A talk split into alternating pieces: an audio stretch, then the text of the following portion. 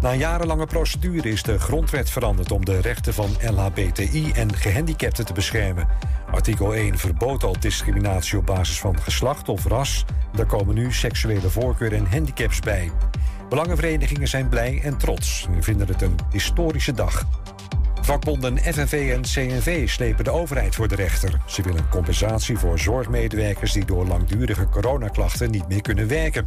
De bonden willen dat ze een voorschot krijgen van bijna 23.000 euro. Dat bedrag is niet zomaar gekozen. Mensen met andere beroepsziekten kregen het ook. En een bouwvakker die werkte aan de A9 bij Amstelveen is vanmorgen in drijfstand gevallen, meldt NH Nieuws. Hij kwam tot zijn knieën vast te zitten. De brandweer kreeg één been los. Daarna heeft hij zelf met een hoge drukspuit en schep zijn andere voet losgewrikt. Hij is onderkoeld geraakt. Het weer nog van Weer Online. Op de meeste plaatsen droog. Alleen in het noorden is een enkele winterse bui mogelijk. Het is rond 4 graden. De rest van de week blijft het licht winters. En tot zover het ANP-nieuws. Mam, mama, ik moet plassen. We zijn bijna bij Willemse Toiletten. Daar kun je veilig naar een schoon toilet en je handen wassen. Willemsen Toiletten. Het openbaar toilet in de binnenstad van Enschede. Voor het hygiënisch en plezierig bezoek vindt u in de klanderij. Lever na uw toiletbezoek de waardebon in bij een van de deelnemende winkeliers. Scan de QR-code of kijk op willemsentoiletten.nl.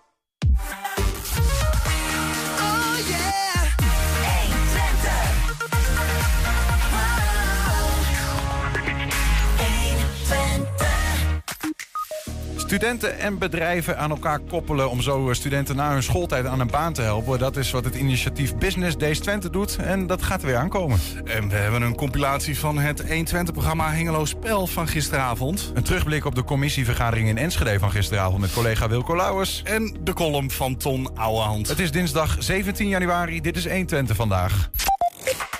120. 120 vandaag.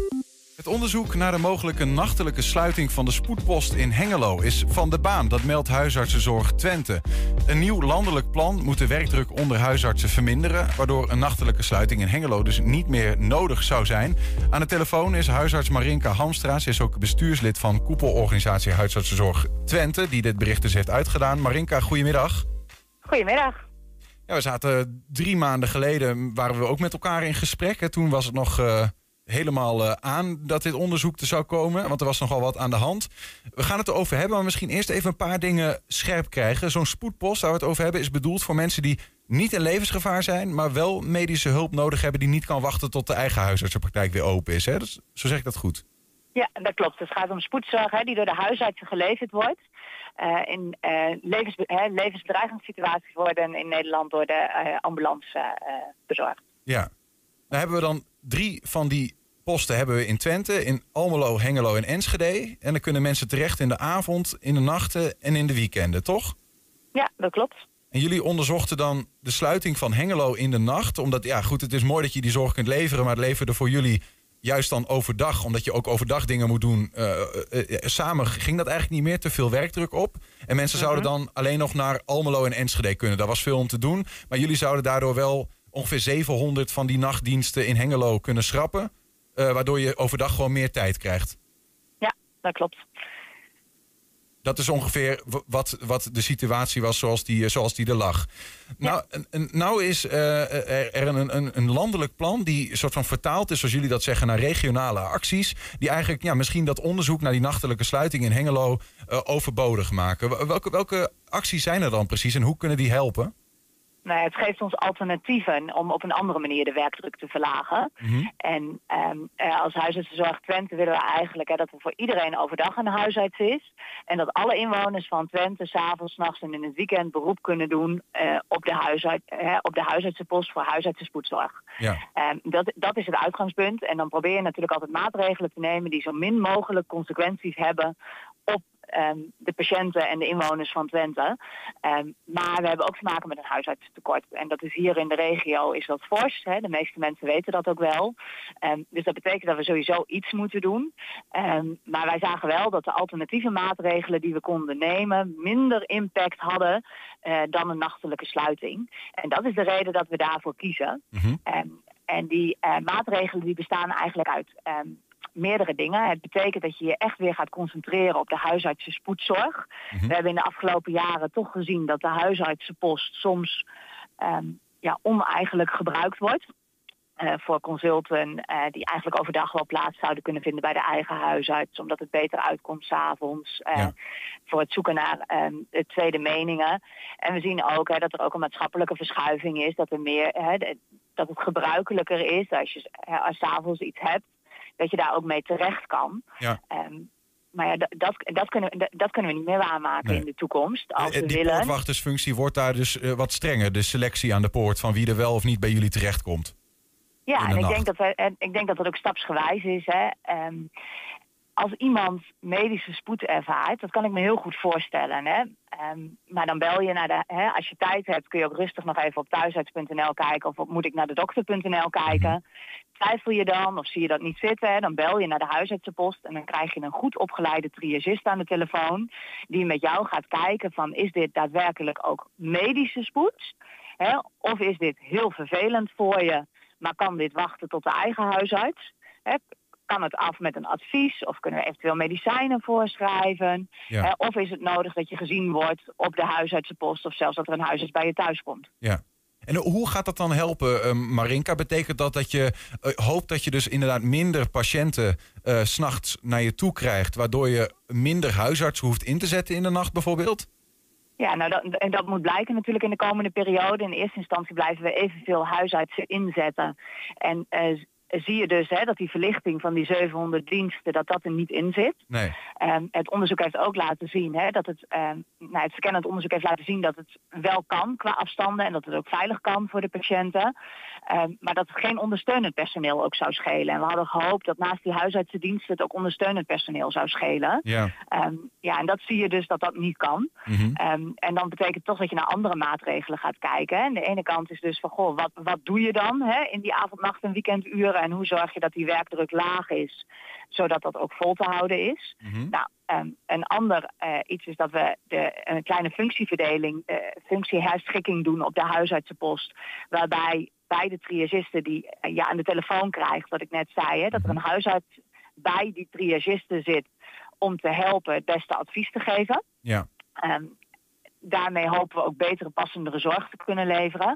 En ik denk ook dat het in het belang van de patiënt is. Want ik denk dat de patiënt het, het beste af is bij zijn eigen huisarts, die zijn medische geschiedenis het beste kent, die zijn context het beste kent, mits het kan wachten. En dan hebben, houden wij ook goed de tijd over om op een rustige manier de mensen die wel hulp nodig hebben in de avond, nacht en weekend, wat niet kan wachten, op een goede en rustige manier te kunnen helpen. Ja, dat begrijp ik. Maar tegelijkertijd, eh, ik refereerde net al even, drie maanden geleden spraken wij elkaar. En toen zei hij van, ja, de werkdruk voor die Twentse huisartsen die wordt te, te groot.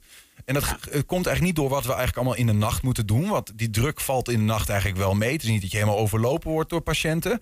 Maar het gaat er vooral om dat je die nacht gewoon vrijgepland moet, moet worden. En aan het werk bent feitelijk. En dat je daardoor eigenlijk eh, overdag eh, niet meer de dingen goed, zo goed kan doen als je wil doen. Dat de, dat de werkdruk te hoog wordt. En als je Ja, dus dat- al die 700 diensten houdt, dan, dan helpt dat in dat opzicht niet, toch?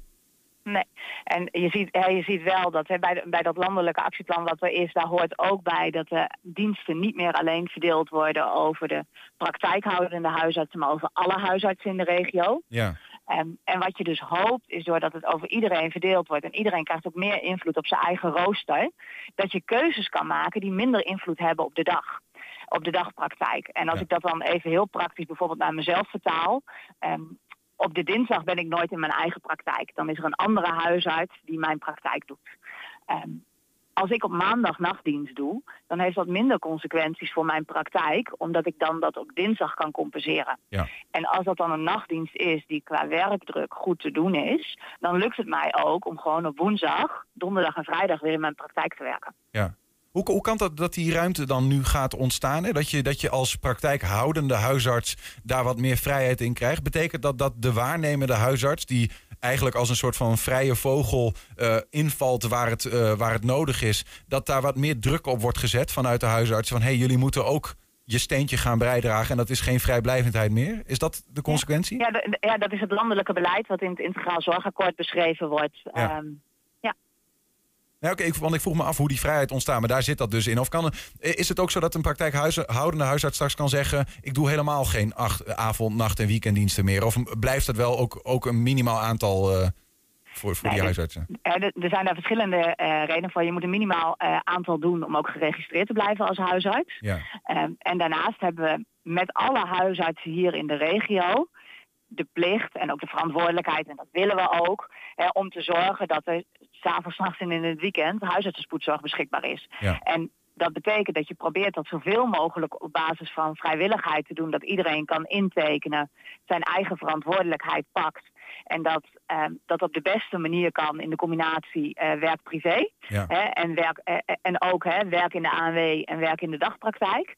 Ehm, en, op het en kan zijn dat er dan wat diensten overblijven. En daar hebben we met, maken we met elkaar afspraken over hoe die dan verdeeld worden. Zodat Ja. er wel altijd een huisarts beschikbaar is. Dus als ik het even probeer samen te vatten, hè, dan komt het erop neer dat eh, de selectie aan de poort strenger gaat worden. Dat mensen geholpen worden om de vraag te beantwoorden: kan ik het zelf doen eh, of kan het eventueel toch nog langer wachten? Dat we daar wat meer met elkaar begrip voor gaan krijgen wanneer we wel en niet moeten komen.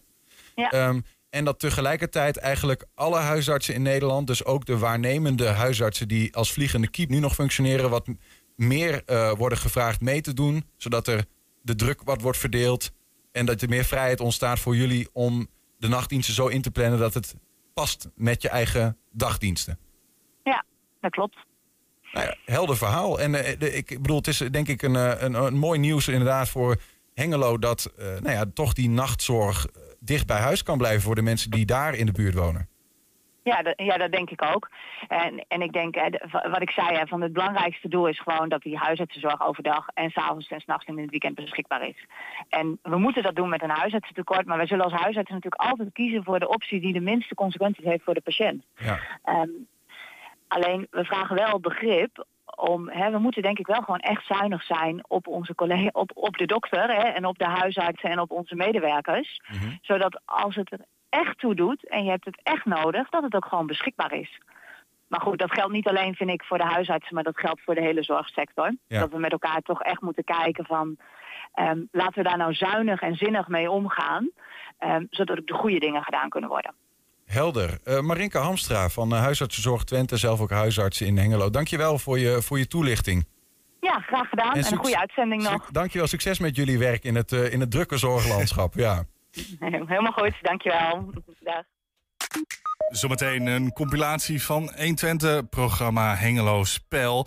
En word jij getroffen door de peperdure warmte of valt het allemaal nog wel mee? 120 wil weten welke gevolgen de enorme stijging van energiekosten heeft. Laat van je horen, vul onze vragenlijst in. Dat kan volledig anoniem en duurt je ja, je bent er twee minuutjes aan kwijt ongeveer. Dat kun je doen via onze website, via 120.nl slash vragenlijst. Dat zal ik nog één keer halen, dat is 120.nl slash vragenlijst. 120. 120 vandaag.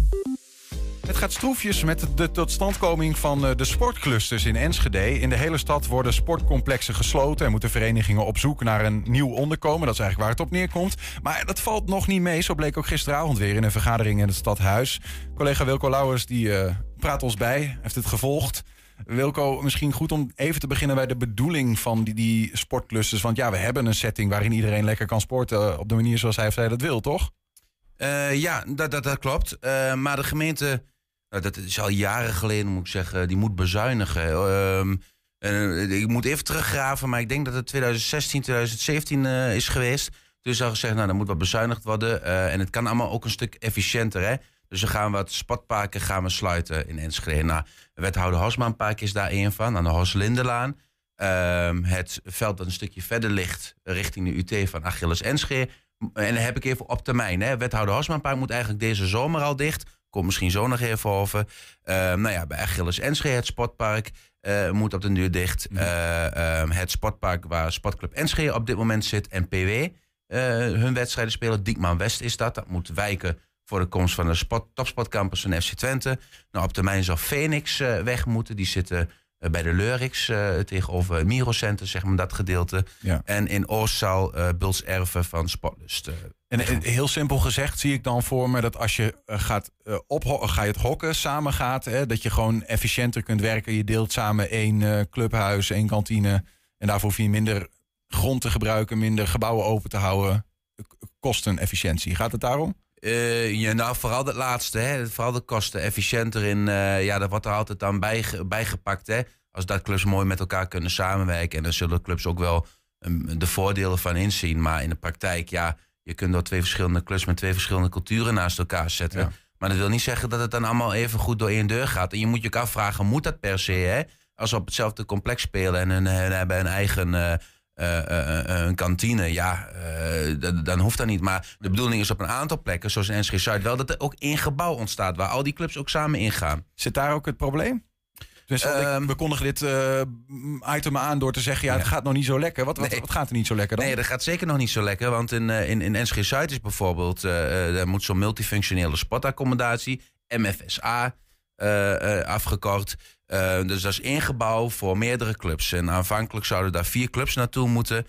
Eh, Victoria uiteraard bespeelt dat veld al. Dat is de Westerbrink Zuid, heet het sportpark. Nou, Wester, eh, Victoria is daar al de bespeler van, net als FC Aramea. En bedoeling was, er komen dan twee clubs bij. Nou, er werd gekeken naar FC Surjooien.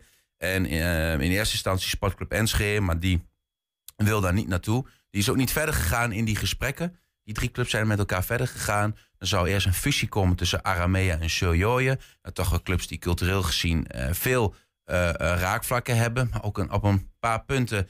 Dat wij zullen zeggen dat zijn details. ja, maar ja, voor, hen is het cruciaal. is het cruciaal. eh, eh, eh, zitten er toch echt, vers- echt verschillen. Maar die hebben echt geprobeerd om een fusie te, te realiseren. Dat is geklapt.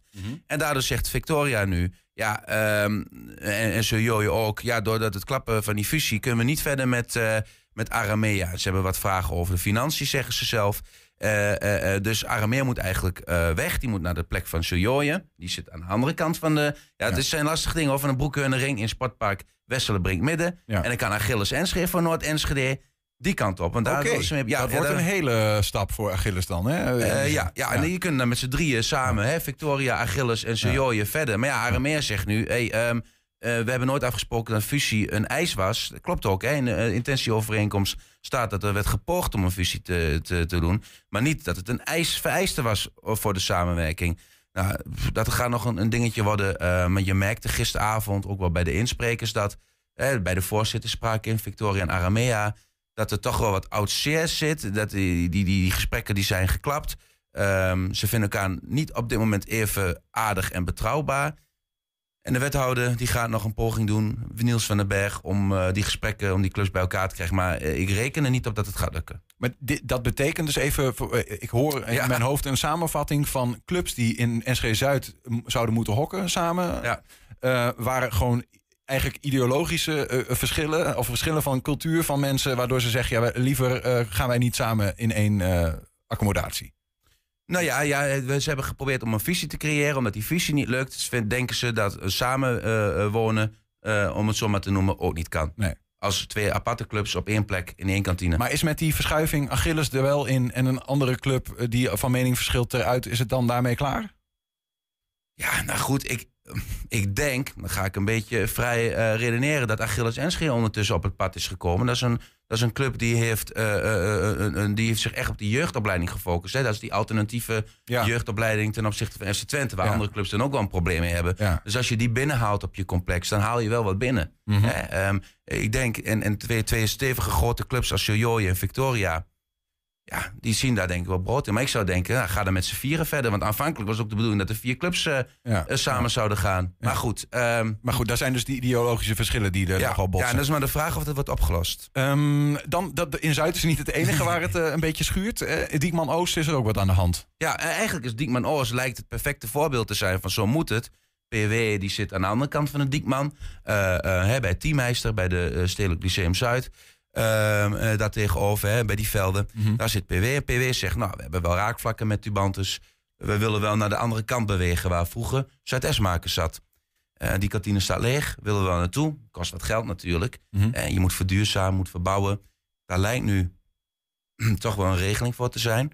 Maar er gaan nog meer clubs naar dat complex toe, namelijk NSG Broncos. eh, ehm, die zitten in NSG Noord, wethouder Osmanpark, hadden we net al over. En de rugbyclub ERSC eh, 69. Die moet verhuizen. Broncos gaan bij PW waarschijnlijk in, in die kantine. Maar ERC die heeft echt een eigen kantine nodig. Eh, en, en waarom is dat? Ehm, die hebben 200 leden van zichzelf. Is nou niet bepaald heel groot, maar Mhm. eh, 200 leden is, is fors. En eh, voor een rugbyclub zeker een groeiende club. Maar ook beachvolleybal moet een plekje krijgen daar. eh, in de zomer in ieder geval. Handballers moeten ook een plekje krijgen. Waar ze zich kunnen omkleden, waar ze kunnen sporten. Nou, dat is voorzien in die kantine. Mhm. Maar die moet nog gebouwd worden. Ehm, en ik denk dat de voorzitter van de club het beste kan uitleggen eh, hoe dat nou, waar nou de problemen zitten. Want hij sprak gisteravond in. Sinds het begin van de jaren 90, en ik zeg 90 in 1990, zijn er geluiden dat ERC moet verhuizen eh, of vertrekken van het wethouder Hosman Sportpark. Wat is nu het probleem? En ik ga even een, stukje verder. Waar we eerst zullen verhuizen naar een multifunctioneel sport, eh, sportpark, of het MFSA, werd er daarna een tijdelijk onderkomen. En toen is, nu is het een eh, permanent gebouw geworden. En het permanent gebouw wat, moet gaan gebouwd moet worden, dat moet, gas, eh, moet gasloos zijn. En die kosten die dat al met zich meebrengt, is, al, is alleen al die kostenpost is al minimaal 170.000 euro extra. En dan heb ik het over een clubgebouw van 90 vierkante meter met daarbij nog vier kleedkamers. En wat straks gebruikt moet worden door minimaal 600 sporters als iedereen er is in de zomer. Want de beachvereniging zal natuurlijk niet eh, eh, in de winter daar zijn, want die zijn in de winter in de zaal. Ja, hoe gaat u dat nou doen met die bouw wel van ERC? Om die er nog even bij te pakken, met die bouwkosten. Dat heb ik net gezegd, we hebben dat financiële kader. Dus wij zullen moeten, met de opdracht die ik heb en de kaders, moeten versoberen. De denkrichting, hoe het dan eh, gerealiseerd zou moeten worden... is dat ERC bewezen van in die oplossingsrichting... twee kleine kleedkamers zou, moeten laten gaan, zou moeten laten vallen. Vervolgens deelgebruik zou moeten doen met PW. En of dit ideaal is, is een tweede. Hè? We hebben allemaal realiteitszin. Ik vind het ook een redelijk verhaal van de heer Jansen. eh, Bij monden van de voorzitter van de rugbyvereniging. Alleen ik me dan wel aan het financiële kader, ook in het college. Waarbij je wel kunt kijken van kun je op een andere manier daar nog iets in doen. Maar dat zie ik op dit moment niet. Dus blijft dat een leidend iets. Ja, en dan bent u als hoogste orgaan eh, aan zet om te zeggen van ja, maar wethouder, dit vinden wij niet realistisch. Ik geef u een opdracht om het dan al dan niet op te plussen. Eh, dat zou dan het verhaal moeten zijn. Maar eh, ik zie die mogelijkheden in de volle breedte. Nu niet met de hele opgave die voor ons ligt. Maar dan hebben we echt nog een hele klus te klaren met elkaar. Versoberen, eh, ik begrijp het verhaal, financieel gezien... maar versoberen is voor ons geen optie meer. En versoberen niet alleen voor de rugby, maar ook niet voor de beachsporten... ook niet voor de American football. Want dit is de enige mogelijkheid voor Enschede om wanneer te zetten... en je hebt het net over als je bij een ander sportpark komt... waarom hebben we dat niet in Enschede? Dit is de enige mogelijkheid om wanneer te zetten... waar iedereen in Enschede trots op kan zijn. Dus Wilco, we hebben een rugbyclub ERC die moeten ergens weg. Ja. En die moeten naar een andere plek op Diekman Oost. Maar daar moet dan nog een kantine worden gebouwd. En zo de kantine die ze eigenlijk voor zich zien, die de faciliteiten heeft die ze willen hebben, en daar willen ze niet in versoberen, is te duur.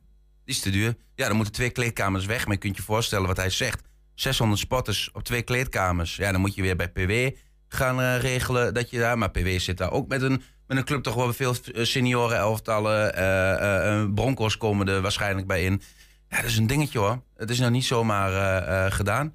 Ehm, en, en gisteren werd er uitgesproken, nou dit jaar ah, gaat het niet lukken. Sowieso niet. Je moet een hele kantine bouwen. Je moet er Ja. nog, eh, dat gaat niet, niet lukken dit jaar. Maar komt er dan uiteindelijk moet er dan eh, meer geld komen? Hè? eh, Van, en dat moet de gemeenteraad iets van vinden? Of, of zeggen we dan van ja, blijf dan nog maar even op jullie oude stekkie zitten. Want anders kom je in een no Ja. man's land. Nou, beide is eigenlijk geen, geen optie volgens het college. Want die hebben de opdracht, die moeten binnen een budget werken. Dus met dat budget moeten ze het doen. Dan is het versoberen. Op de huidige plek blijven. Ja, dan gaan ze misschien nog wel een jaartje waarschijnlijk verlengen. Eh, ehm, eh, ik zeg misschien en waarschijnlijk in één zin. Maar we gaan ze waarschijnlijk een jaartje verlengen. Ja. 25.000 euro kost dat de gemeente aan onderhoud voor dat sportpark.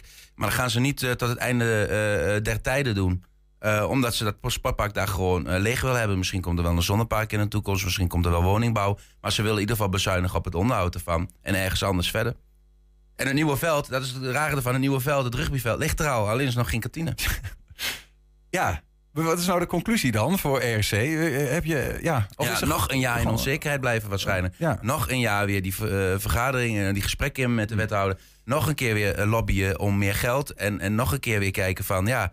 ehm, Eh, wanneer kunnen we nou wel echt over en bouwen aan die toekomst? En dat geldt ook voor SVV en TVV, overigens, de voetbalverenigingen. Ja, Die, die zouden ook. eh, Die moeten daar ook weg. En die hebben nog geen nieuwe Nee. onderkomen. En dat heeft onder andere weer te maken met het eh, stoppen of de vertraging in Zuid. Voordat we naar wat andere punten nog uit die vergadering gaan, die er gisteravond was. Heel even nog, Zuid begonnen we mee. Hè? Dus de- daar waar Victoria samen zou gaan met een aantal andere voetbalclubs, waaronder mogelijk Achilles. Ehm, de- geld is daar geen probleem? Eh, je, nou ja, dat, zal ook ongetwijfeld. eh, kijk, als ze nog vijf jaar wachten met bouwen, dan eh, kan de wereld er weer anders uitzien. Maar op dit moment, als ze een beetje haast willen maken, dan zijn de bouwkosten gewoon hoger. Ehm, en dat betekent ook wat. De materialen zijn duurder. Eh, de- we hebben echt met inflatie te maken. Dus ook daar zal dan toch een keer de eh, wethouder waarschijnlijk moeten komen van ja, we, hebben misschien niet genoeg budget hiervoor. Maar dat geldt ook voor een NSG Oost. eh, en op andere plekken waar eventueel een, een sportcluster moet komen. Dat geldt voor het zwembad. Eh, op het Diekman, waar overigens de aanbesteding... Ik heb hem nog niet gezien, die moet nog starten. Dus eh, daar mogen ze wel opschieten. Eh, de ijsbaan, waar onduidelijkheden zijn... andere gemeenten niet meer willen betalen. Dus waar de gemeente in ieder geval dit jaar volledig aan de lat staat. Positief en Sportaal, de hele, de hele situatie bij Sportaal... Ja. kan die organisatie überhaupt wel door? Ja. Kunnen ze dit allemaal dragen? Ja. Ja, nou ja, de- volgens mij zei eh, voormalig burgemeester van Enschede ooit... je moet Enschede zien als een noodlijdend gezin... Hè, dat zelf in armoede leeft. Nou, dat komt hier wel weer naar voren, want er wordt aan alle kanten wordt er gesneden. Ja. En ja, en, eh, nou goed. eh, En, en je, het biedt weer kansen, zeggen ze dan altijd. ja, nou ja, we moeten het maar zien. Ja. Maar heb je, nou- we zaten er nog andere dingen in die misschien iets positiever van aard zijn? of wat? Ja, nou ja, nou ja eh, ik, kan ik kan een positieve draai aan geven. Want de buslijn tussen Groningen en Enschede werd gisteren ook nog even behandeld. Hadden we afgelopen vrijdag een, eh, artikel over op onze website staan bij 120. Nou, Gronau wil heel graag een, een buslijn tussen Enschede eh, en Gronau. En dan over Dinkel, Losser en een beetje de buitengebieden. Zodat nou ja, een beetje in dit grensgebiedje hier mensen ook met de bus en niet met de, alleen met de trein. Maar die stopt alleen op het Centraal Station. En je wil ook ergens anders kunnen komen, vooral als je ergens werkt of enzovoort. En dan moet dan ook een kaartje zijn dat je kunt overstappen op de lokale bus eh, met dat ene kaartje. Nou prima, topprioriteit in Gronau in een eigen eh, mobiliteitsplan eh, dat ik vorige week voorbij zag komen. Nou, nu is natuurlijk aan Enschede gevraagd hoe zien jullie dit zitten. Nou, eh, daaruit trok ik de conclusie, Enschede houdt eh, de boot nog een beetje af. Maar gisteren bleek toch wethouder Mark Teuteling daar iets anders over te denken. Ja, ik kan me voorstellen ehm, dat de vragen gesteld zijn... eh naar aanleiding van het artikel op 120. Ik heb hem ook gelezen. Wij zouden de boot voorlopig afhouden. En daar wil ik toch wel een kleine nuance op geven. Want en misschien kan ik dat het beste doen door even onze schriftelijke reactie... op de persvraag letterlijk even te citeren. Eh, de projecten voor letter of intent zijn besproken voordat dit plan af was. Het plan van de eh, busverbinding. Vandaar dat het niet ge- concreet genoemd staat in de letter of intent. Maar dat betekent natuurlijk niet dat wij hier niet op samenwerken. Wij gaan bij het volgende overleg met Gronau verder verkennen... welke kansen hier liggen en wat we hiervoor zouden moeten doen. Er is dus absoluut geen sprake van afhouden. De wens van Gronau voor deze busverbinding is namelijk nieuwe informatie... en is daarom, daarom ook nog niet in de letter of intent vernoemd. Het heeft daarom ook nog niet op de agenda gestaan. De, de wethouder valt dus over een term die jij hebt gebruikt in je artikel. De Ja, boot, dat de boot de boot afhoudt. Ja, Gronau, je moet zeggen, echt, Gronau, dit is topprioriteit. Er staan drie uitroeptekentjes bij. Dit is een van de belangrijkste projecten in hun mobiliteitsplan. Die bus naar eh, eh, Enschede en omstreken. Nou ja, de, de, de wethouder zegt, ah, die, we we houden de boot helemaal niet af. En hij citeerde, ja, we hebben het plaatje van dat citaat die, hier ook even voorbij kwam. Kunnen we misschien nog even laten zien, dat is die andere... eh, eh, ja, eh, eh, hij citeerde inderdaad letterlijk uit het antwoord. Alleen het laatste gedeelte, dat citeerde niet. Op dit moment is het nog niet zo concreet dat we kunnen zeggen... of we meerwaarde zien en of we daar geld voor over hebben. Dus ik concludeerde uit, de gemeente weet nog niet of ze meerwaarde erin zien... en of ze er geld voor over hebben. Nou, dan denk ik aan de boot afhouden. Nou, misschien kunnen we even een woordenboek erbij pakken. Dat betekent terughoudend zijn of niet direct ja zeggen. Ja. Ehm, ja, Ja, dat ja. lijkt een beetje gedetailleerd Ja. aan. Maar, en ik wil niet altijd reageren. eh, maar je kunt je niet altijd verdedigen eh, eh, op dingen. Hè. Dit komt dan voorbij. En ik vind het ook prima. Iedereen mag alles zeggen over... Als je uitdeelt moet je ook kunnen incasseren. Zoals het met voetbal ook, zeg ik altijd. Dus ik vind het ook wel prima. Ik kan daar wel heel goed tegen. Maar ik, ik moest hier wel even om gniffelen gisteren. Want dit is natuurlijk de boot afhouden. Anders had de eh, wethouder wel gezegd... We gaan het doen. En we kijken wel even hoe het met geld zit. Ja. Maar positief, je het, wil wel iets positiefs horen. Ik hoorde hier toch wel de, duidelijk de wethouder zeggen dat ze blijkbaar wel meerwaarde erin zien. Dus dat ze nu de boel gaan opstarten. Dus nou ja, even goede vrienden. Over een paar jaar de bus van Groningen naar Enschede. Wilco, dankjewel. Ja. 120. 120 vandaag.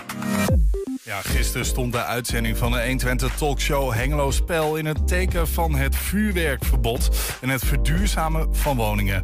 We gaan kijken naar een compilatie van die uitzending. Afgelopen oud en nieuw uh, verliep volgens Veiligheidsregio Twente beheersbaar. Maar er vielen 44 vuurwerkslachtoffers in uh, deze regio. Waaronder een groot aantal minderjarigen. Sommigen pleiten nu voor een landelijk vuurwerkverbod. Anderen zeggen juist dat het dan uh, nou, de mensen die er wel verantwoordelijk mee omgaan... daar de dupe van worden. We gaan praten over wat moeten we nou met dat vuurwerk. En dat doen we met burgemeester Sander Schelberg. Met de politiechef van Midden-Oost, of Midden-Twente, sorry. En dat is Hester Scholten.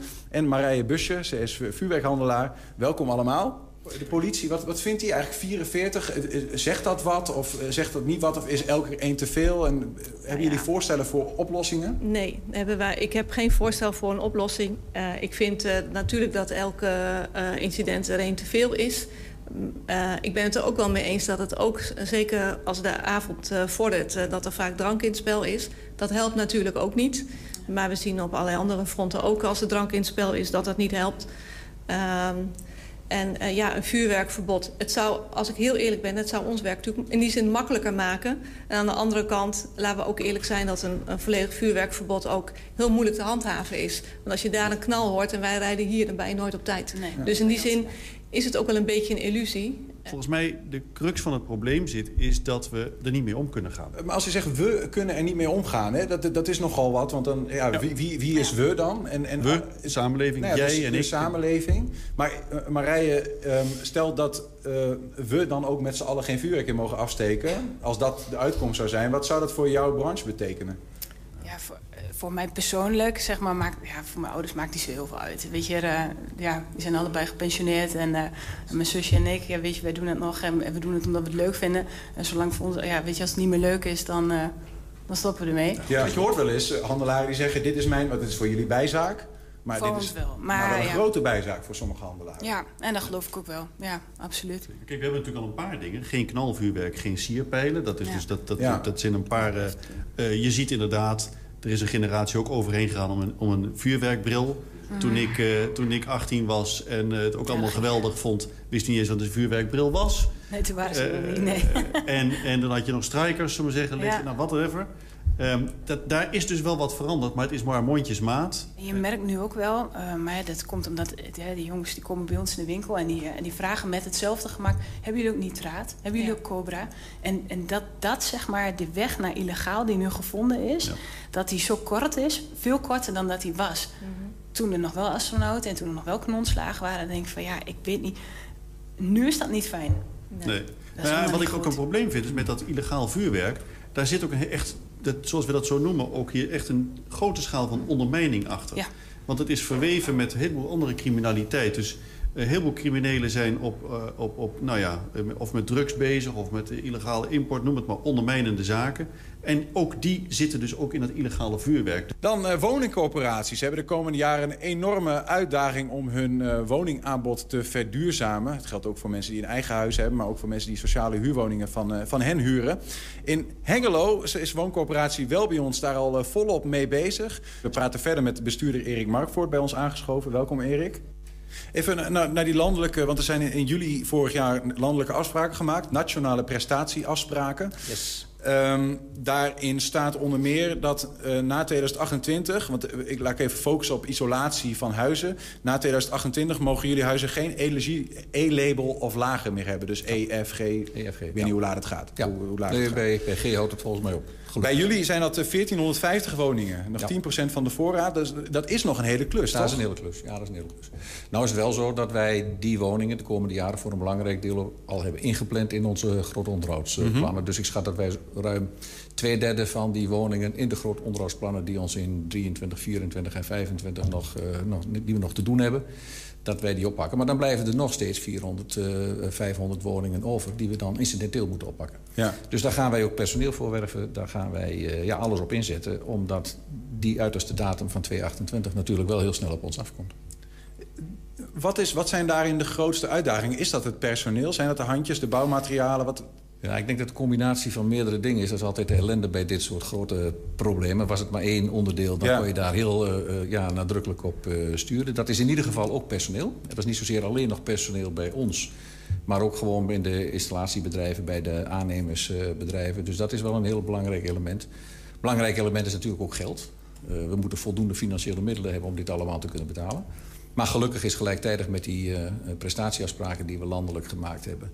eh, ook in een goede samenwerking met de eh, gemeentes, met, eh, met de woonbond, met de Rijksoverheid... is afgesproken hoe wij die verhuurdersheffing, die dus nu vervallen is... hoe wij die gaan inzetten. Dus in die zin is er aan de financiële kant voor ons wel heel veel ruimte ontstaan. Dat Ja. gebied de eerlijkheid ook te zeggen.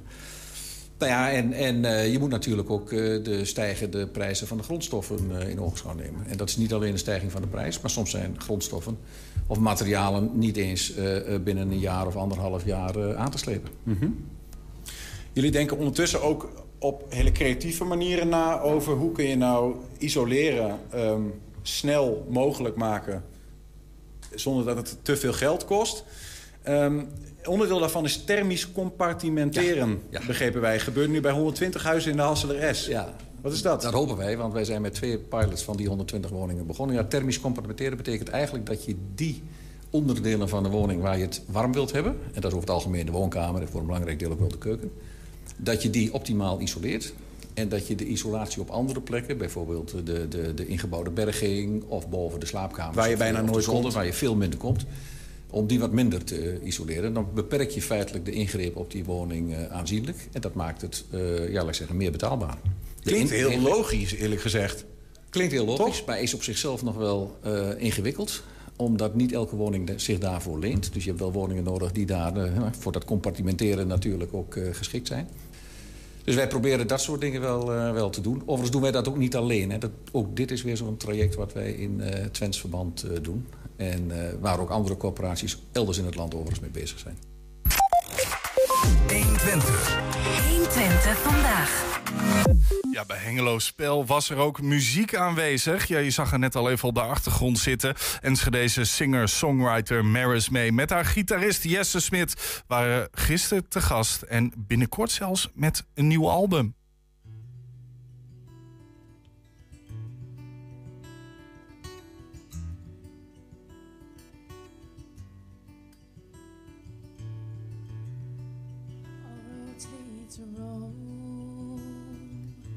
I go where the river flows. I go where the river flows. Thought I'd seen it all. Until I heard a call. Until I heard a call. I look up to the sky. And I can see another road, a distant place where I can go. Don't think I can stay. Cause maybe there's a different way. Oh, oh, oh.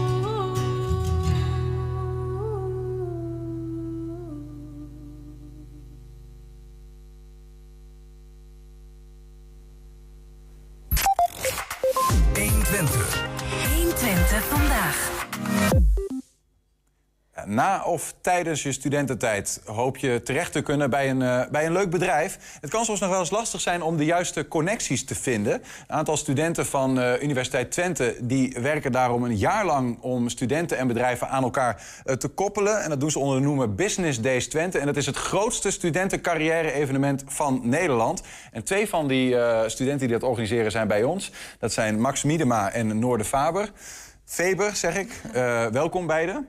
Dank u. Jullie zijn onderdeel van een grotere groep. Eh, we hebben daar twee foto's van. En die, die groep studenten, dit zijn er eh, eh, zes... Die zetten, je zet echt een jaar lang, Max, je studie opzij... om dit allemaal in kan en kruiken te maken, toch? Ja, ja nee, dat klopt. Vaak doen studenten dat die toch iets meer uit de studententijd willen halen... of echt toe zijn aan iets nieuws. Het kan voor sommige studenten ook overweging zijn... omdat het mooi op hun cv staat. Eh, maar inderdaad, we zetten ons dus een jaar in eh, voor het evenement. Eh, eigenlijk vanaf augustus, september zijn we begonnen. En het evenement gaat straks beginnen. Dus de studie eh, ligt even stil.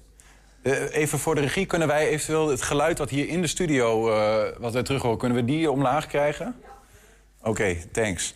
Ehm, eh, ja, Noor, wa- wat, wat, waar werken jullie eigenlijk aan? Wat is eigenlijk het einddoel? Ja, dat is een goede vraag. Eh, ons einddoel is eigenlijk ons evenement eh, wat straks gaat plaatsvinden.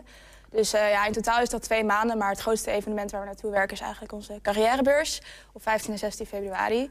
En het doel is eigenlijk om alles zo goed mogelijk te organiseren en eh, te zorgen dat er bedrijven zijn, dat er studenten zijn eh, en de locatie is eigenlijk. En daaromheen alle promotie en dergelijke. Wat maakt dit het grootste studentencarrière-evenement van Nederland? Nou, we hebben natuurlijk de beurs, die is twee dagen, maar dat is wel in meerdere plekken in Nederland. Maar we hebben ook de workshopweken en de Company Experience Weeks. Die komen eigenlijk na de beurs pas.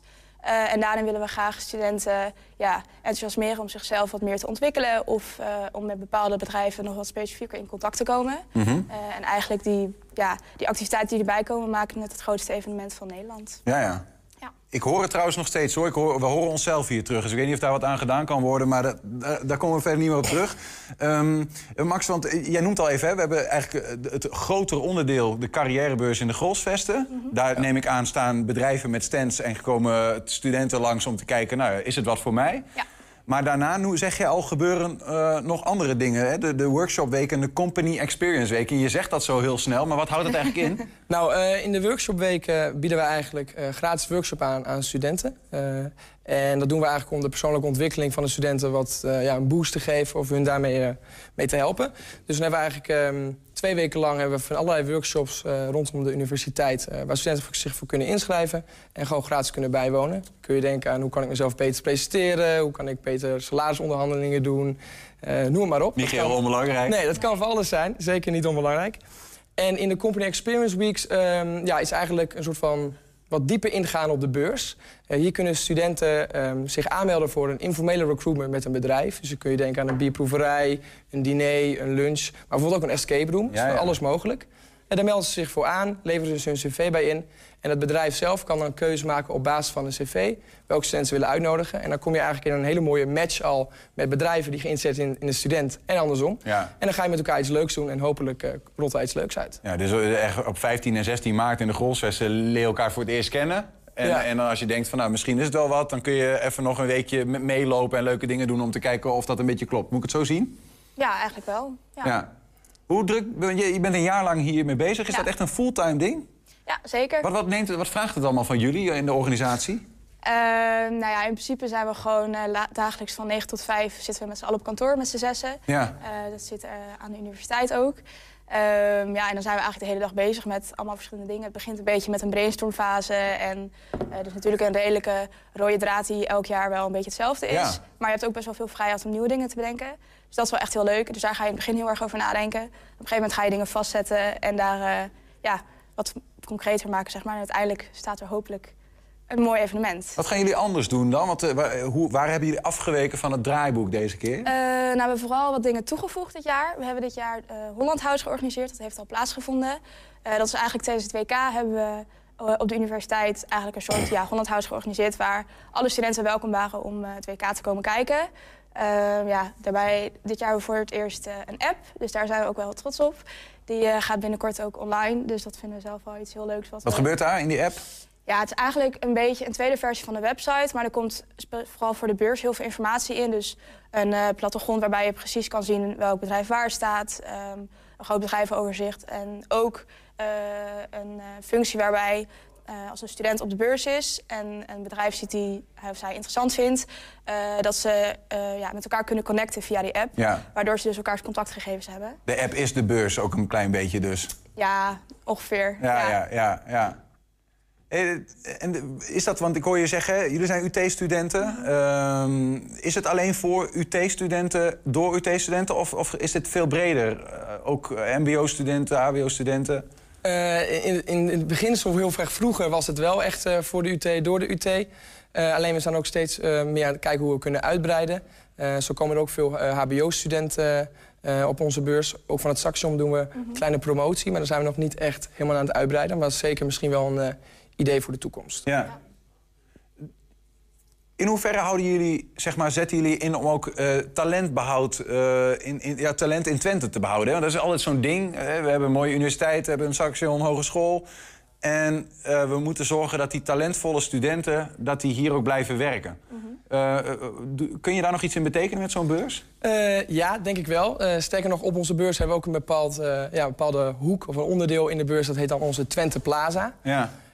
En ja, in die Twente Plaza proberen we eigenlijk te benadrukken... Ja, wat er eigenlijk allemaal nog te doen is in Twente... in plaats van bijvoorbeeld in de Randstad. Dus eh, dat, die, dat, dat deel van de beurs is ook helemaal rood. Bij onze eh, echte kleur, dit is de business, business Days blauw is. Mhm. Dus dat is helemaal een rode hoek. En daarmee proberen we dus dat te benadrukken... van dit en dit kun je ook doen eh, in Twente. Maar voor de rest hebben wij op onze beurs zelf... eh, ook heel veel bedrijven eh, staan die allemaal filialen hebben hier... eh, in en rondom Ja. Twente. Dus...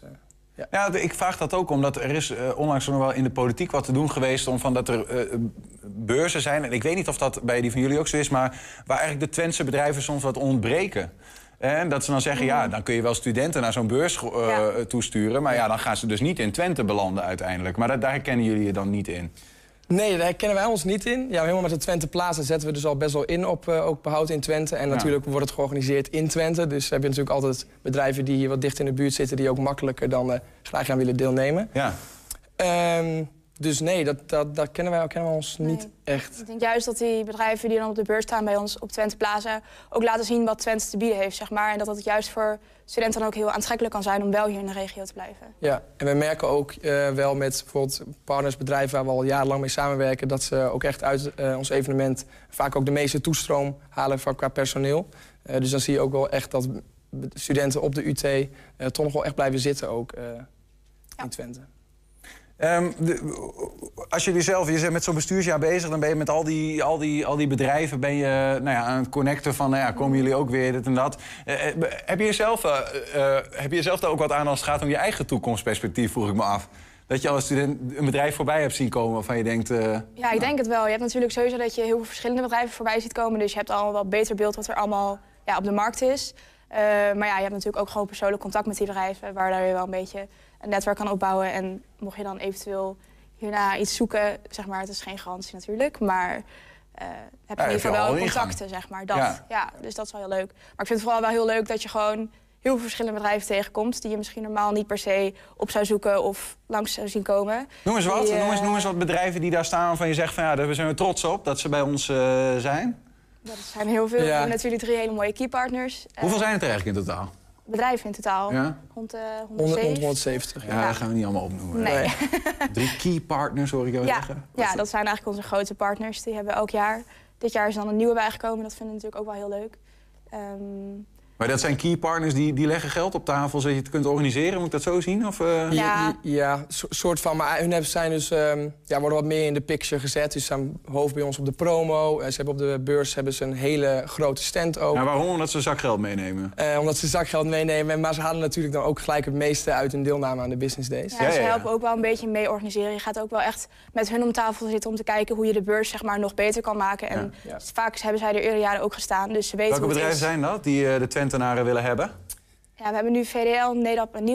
Ja, ja. Newways is dus nieuw, maar ook wel heel vet. eh, om Ken ik erbij trouwens te niet. Wat is het voor bedrijf? Ja, een electronics bedrijf. Ze zijn eh, met heel verschillende dingen bezig op dit moment. Ja, ook met semiconducteuren en zo. Ja. Klinkt wel veel als eh, toch wel een beetje universiteit-minded. Heb ik het gevoel. Ja, het zijn bedrijven- voornamelijk wel bedrijven die zich toch een beetje focussen op de inderdaad, Ja. tech, techniek. Eh, natuurlijk ook met Technische Universiteit. Maar je hebt natuurlijk binnen elk bedrijf ook heel veel mensen nodig. Binnen de human resourcing en, en van alles en nog wat. Dus ook studenten die bijvoorbeeld op de UT studeren... die niet per se een technische eh, studie doen... eh, ja, kunnen wel naar de business days komen. Ja, er zijn genoeg bedrijven die daar ook op zoek naar zijn. Ook gewoon sociaal gericht, sociaal-maatschappelijke initiatieven staan er wel. Zeker weten. Ja. Heb je ook eh, wat, wat reacties van studenten die in, in, nou ja, in het verleden naar deze beurs zijn geweest... of van bedrijven die zeggen van nou, hier is het gebeurd? Ja, ja zeker. We, hebben, posten elk jaar ook verschillende succesverhalen, als wij dat dan noemen. Eh, en daar zie je eigenlijk van studenten die dus van de UT zijn gekomen... die bijvoorbeeld eh, een baan hebben gevonden eh, ja, op de business days. Maar je ziet, waar we ons voornamelijk dus op richten... is die oriëntatie van studenten. Wat kun je doen? Maar daarbij vooral ook ja, zoeken van een baan, stage of afstudeeropdracht. Dus heel veel studenten gaan er ook met die insteek in... en die komen dan hopelijk vaak eruit met bijvoorbeeld een leuke afstudeeropdracht voor hun master. Het is niet moeilijk hè, in deze tijd, begrijp ik wel. Ik bedoel, de rode loper lijkt bijna overal uit te gaan, toch? Zeker als je in de tech werkzaam bent. Als student. Ja, Ja, maar het is misschien makkelijk om een baan te vinden... maar het is natuurlijk ook wel leuk als je op een leuke werkplek te- terechtkomt. Dus een baan zegt niet alles, vind ik zelf. Eh, dus ik denk dat daarom juist ook heel leuk is dat we de beurs hebben. Dat je eigenlijk van elk bedrijf ja, een kleine insight hebt in hoe zij zijn... en of je daar een match mee hebt, zeg maar. Ja. Dus het is zeker makkelijk, maar je moet natuurlijk wel iets vinden wat bij je past. ja. Je, je, je lost eigenlijk een luxe probleem ermee op. Jij hebt wel een baan, maar de mooie, m- mooiste baan zou nog mooier zijn. Ja, ja precies. Ja. En het is ook een mooie gelegenheid om echt van beide kanten inderdaad goed kennis te maken... en ook al een beetje van de bedrijfscultuur mee te krijgen. Ja. En nog één ding even. Jullie zijn geen eh, winstgevende organisatie. Nee. Eh, toch horen we net wel, hè, er zijn bedrijven die, zichzelf ook, die kopen zichzelf in. Geldt voor al die bedrijven? Eh, ja, we hebben voor start-ups en voor bijvoorbeeld studententeams... dan wel wat aparte eh, regelingen. Eh, maar inderdaad, bedrijven betalen om ons op de beurs te doen... of een activiteit af te nemen. En dan zorgen wij eigenlijk alles, alles eromheen, logistiek... eh, En toch, maar je maakt, maakt geen winst. Wat betekent dan, wat doe je met het geld dat binnenkomt? Ja, je moet natuurlijk wel eh, locatie regelen. Eh, voor de workshops die moeten we natuurlijk ook eh, betalen, dat soort dingen. Zeg maar alle faciliteiten die wij regelen, die financieren wij eigenlijk Ja. dan vanuit eh, de sponsoring van de bedrijven. Zeg maar. Ja. Dus het is een beetje een wisselwerking. En- dus en je ook krijgt op, ook eh, daarvoor terug. Ja, en ook op de beurs bijvoorbeeld is aankleding nodig. eh, moet je het helemaal inrichten van binnen. En we beginnen onze business days altijd met een, eh, wat promotionele activiteiten. Dus hebben we een kick-off festival, zoals we dat dan noemen. Dus op de campus hebben we een attractie staan, een grote tent, gratis eten en drinken... om echt even te laten zien aan de campus. Ja, de business days zijn weer begonnen. En eh, ook een lunchlezing eh, twee dagen daarna, waar dit jaar André Kuipers zou zijn. Eh, dus eh, die gaat daar een mooie speech, een mooi verhaal houden. En eh, dan ook gelijk inderdaad benadrukken, we zijn weer begonnen en eh, wat promotie. 5, nee, sorry, 6 en 7 februari begint het Kick-Off Festival. En dan al van 14 tot met 30 maart eh, zijn de Company Experience Weken. En daartussen gebeurt van alles. Waar kunnen mensen het rustig nalezen? Op de website of op onze socials. En dat heet website Business Days Twente. businessdaystwente.nl. Ja, lekker Kijk, makkelijk. Ga dat doen. en eh, eh, succes eh, de komende tijd. Dat, dat jullie zeg maar, bestuursjaar tot een hoogtepunt eh, Ja. komt. Hè? Dat je echt goed, mag gaan doen waar je voor je gewerkt hebt de hele tijd. Ehm, Max Miedema en uh, Noorde Vebe, dankjewel voor jullie komst. Bedankt. Bedankt. Ja, heb je een tip voor de redactie? Mail dat dan eventjes naar info.120.nl 120. 120 vandaag. Ja, je had het misschien al gezien, maar eh, ja, hij zit er alweer klaar voor. Jazzjaar 2023 moet worden afgetrapt. En Ton Ouwehand is bij ons. Ja. Want eh, je- eh, jazz, ja, 2023? Ja, dat is een jazzjaar, ja. Ja, nee, En, maar is, begin- ja. is het In al- jazzjaar? Ja, in alle opzichten. Ja. Gaat de column er ook over? nou, de column gaat in dit geval over fietsen. Nou, kijk eens aan, de column van Ton Ouwehand. En die is getiteld De gemeente Enschede houdt niet van fietsers.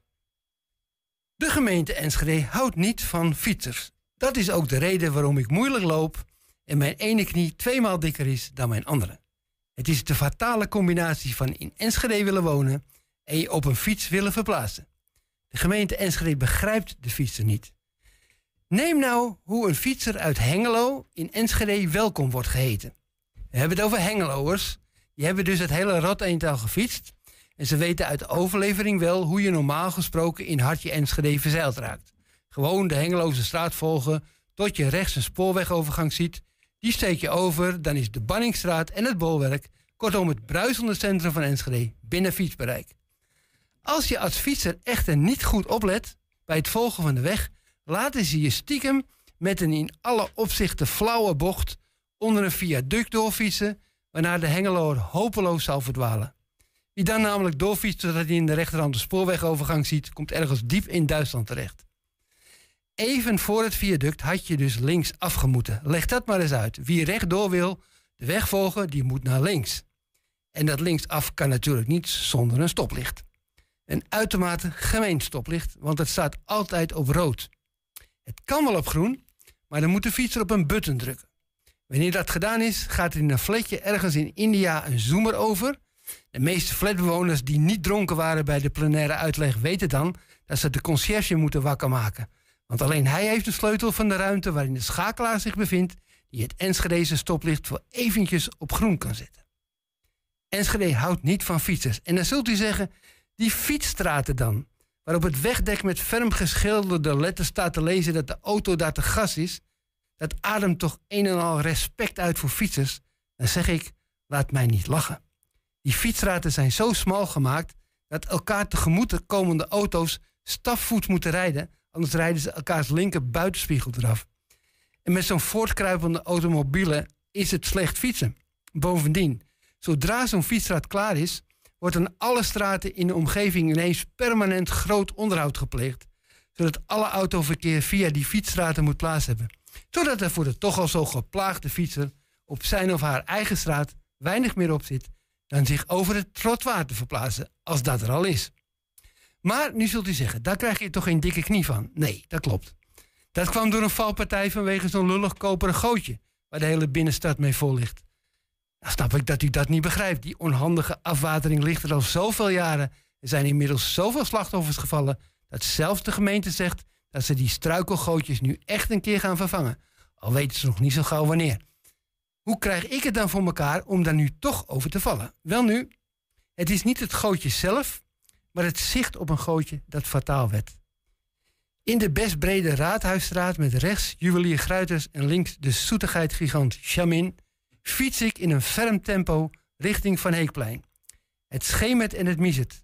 Maar dat betekent niet dat ik het koperen gootje niet waarneem. Het ligt er onbewegelijk, sardonisch naar me te grijnzen. Het is vastbesloten een valpartij te veroorzaken met mij in de hoofdrol. Maar ik weet wat me te, dag te wachten staat, of te doen staat. Stuur naar rechts, dan wel naar links, om het irritante gootje te ontwijken. Ik kies voor links, de Chaminkant, maar vanwege een rijtje naast elkaar lopende voetgangers noodgedwongen toch maar naar rechts. Ja, en dan kom je op het spekgladde lijsteen, wat ze voor alle zekerheid aan de rand van de Raadhuisstraat hebben gelegd, om zowel het fietsen als het wandelen te ontmoedigen. Bovendien steekt er plotseling een paaltje over, waardoor ik over de kop ga, met mijn knie zo verpletterend hard op het lijsteen dat ik er een barst in zie verschijnen, en met mijn kop zo knetterhard tegen de etalage rijdt van juwelier, juwelier Gruiters, dat hij direct naar buiten stormt omdat hij denkt dat hij slachtoffer is van een plofkraak. en als hij ziet dat er op overvalniveau voor mij weinig te vrezen valt, biedt hij aan een ambulance te bestellen. Dat hoeft niet. Maar een aannemer regelen voor een stroever plaveisel zou ik niet erg vinden. Als mijn huisarts me de volgende ochtend checkt op botbreuken en hersenschuddingen, zegt hij: Van Heekplein zeker. Het is daar spekglad, daar sterven de meeste van mijn patiënten. Maar geruststellend kan ik antwoorden: nee hoor, ik viel zo'n 100 meter ervoor al. Maar de mening dat de gemeente Enschede het niet zo op fietsers heeft, die delen wij. De column van Ton Ouwehand. En zo zijn we ook aan het einde gekomen van 120 vandaag. Terugkijken, dat kan direct via 120.nl. En vanavond om 8 en 10 zijn we ook op televisie te zien. Zometeen kun je op de radio gaan genieten van Henk Ketting. Wij zeggen veel plezier en tot morgen. 120. Weet wat er speelt in Twente. Met nu het nieuws van 5 uur. Ik ben Peter van Oudheusden. Goedemiddag. D66, PvdA en GroenLinks zijn trots dat de rechten van LHBTI en gehandicapten nu in de grondwet staan. Ze stelden jaren geleden voor om artikel 1 over discriminatie aan te vullen met deze groepen. En dat is nu gelukt. Ze vinden het een historische en belangrijke dag en een stap vooruit in het bestrijden van discriminatie.